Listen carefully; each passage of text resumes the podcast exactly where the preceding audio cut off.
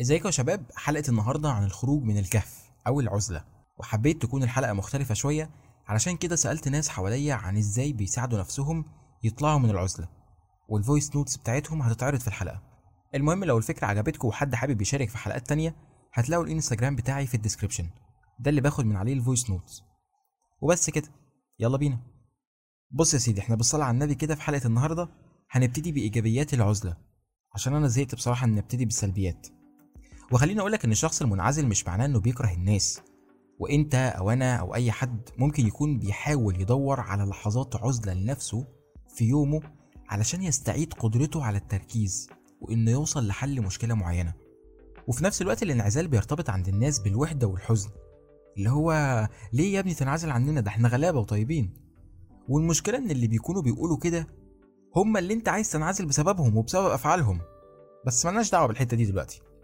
بس مرة تانية على الرغم من أهمية إنك تعتمد على حد أو حد يساعدك عموما أو يكون سند ليك إلا إنه من وقت للتاني أنت محتاج تنعزل شوية ترتب أفكارك وترتب نفسك عموما وترتاح شوية وبعد كده تكمل. وعايز أوضح حاجة إن مش شرط إن كل الناس تكون بتحب العزلة لوحدها. يعني أنت لو بتعملش كده فأنت ما حاجة غلط. أنت ما أنت ممكن تكون بتحب تنعزل بس مع حد بتحبه. ودي يعتبر عزلتك وده عادي. كل واحد فينا وليه طريقته. الحقيقة إن الخروج من العزلة ده أو إزاي تخرج من العزلة ده بالنسبة لي سؤال صعب جدا لأن من وجهة نظري يعني أنا شايف إن هو قرار لازم يتاخد. آه، قرار آه، صعب جدا. أصعب بكتير من قرار إنك تنزل تروح الجيم أصعب بكتير من إنك قررت تاخد الدواء. لازم تخرج من العزلة. بس قبل ما تخرج من العزلة أكيد في مشاكل كتير محتاجين إن إحنا نتكلم فيها مع نفسنا. يعني ممكن أكون حاسس مثلا إن أنا عندي مشكلة معينة هي اللي خلتني آه، أدخل في تجربة صعبة مع الناس والمشكلة دي عندي أنا مش عند الناس وبالتالي لازم أقعد مع نفسي وأتكلم وأفهم أنا مشكلتي فين وأقدر إن أنا أحط الحلول دي. عشان لما أخرج وأقابل الناس وأتكلم مع الناس ما أحسش بنفس المشاكل تاني وأدخل في نفس السايكل تاني يعني. فمن وجهة نظري إن إزاي أتخلص من العزلة أو إزاي أخرج من العزلة هي إن أنا آخد القرار إن أنا هكون جاهز إني أخرج من العزلة وأخرج من العزلة فعلا. بس. طيب أهمية الانعزال. أو أنا هو انعزلت. هستفيد إيه بقى؟ الانعزال هيفيدك أولا إنك تكتشف نفسك. سهلة وبسيطة. اللي هو إيه ده؟ أنا طلعت بعرف أعمل كذا. أو أو عندي مقدرة إن أعترض على حاجة مش عجباني مش زي ما كنت متساق معاهم. والأهم من كده هو أنا ما طلعتش وحش للدرجة اللي هما مخليني فاكر نفسي بيها ودي مهمة جدا. حطوا تحتها ألف خط. ياما ناس كتير جدا بتحسسنا إن إحنا ناس وحشة وإحنا ناس وناس وناس مش عارف إيه. وهكذا كتير بقى. واللي دماغك تجيبه قوله. وليه الناس اللي بتنعزل مع حد من صحابها أو قرايبها أو أيا كان شخصك المفضل؟ عايز أقولك حاجة. إن اللي بيحبك بجد هيساعدك في إنك تعرف أنت مثلا غلطت في إيه أو اتصرفت صح هنا ولا لأ. هينور لك جزء من نفسك أنت مش شايفه ويشاور لك على غلطتك وأنت تحاول تصلحها. بس عايز أنبه عليكم بحاجة. يا ريت لما تيجوا تنقوا الناس نقوا ناس مش هتعايركم بغلطاتكم بعد فترة ويا ريت نستنضف. كلمة كبيرة قوي العزلة النفسية دي بصراحة. ولكن لو أنا هتكلم عن إزاي بقدر أخرج من من حالة أنا حاطط نفسي فيها مثلا أنا بالنسبة لي تبقى حاطط نفسي فيها تلات أربع أيام يعني مش أكتر من- ببقى متضايق تلات أربع أيام بسبب إحساس معين حاسس إن أنا آه، مكتئب بسبب حاجة معينة حاسس إن أنا بس الحمد لله دايما بتبقى سبب حاجة معينة بتبقى سبب عرض يعني وليس مرض.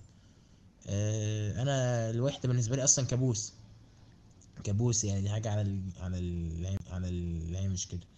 بحب أصلا يعني أي حاجة بعملها آه، بعمل stand up comedy بعمل آه، videos بعمل أي حاجة بيبقى هدف منها إن أنا عايز أشارك اللي في دماغي مع الناس. فأنا الموضوع بالنسبة لي مهم. فعلشان كده الخروج من ال- العزلة بالنسبة لي بيبقى بإن أنت تشوف ناس أنت عايز عليك تشوف إن أنت الفرق اللي أنت عامله في حياتهم تشوف إن أنت مهم بالنسبة لهم. ودي دي بالنسبة لي هي الإجابة على كل سؤال يعني.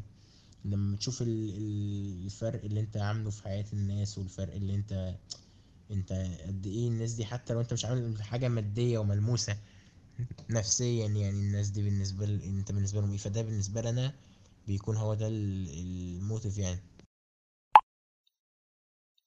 ماشي.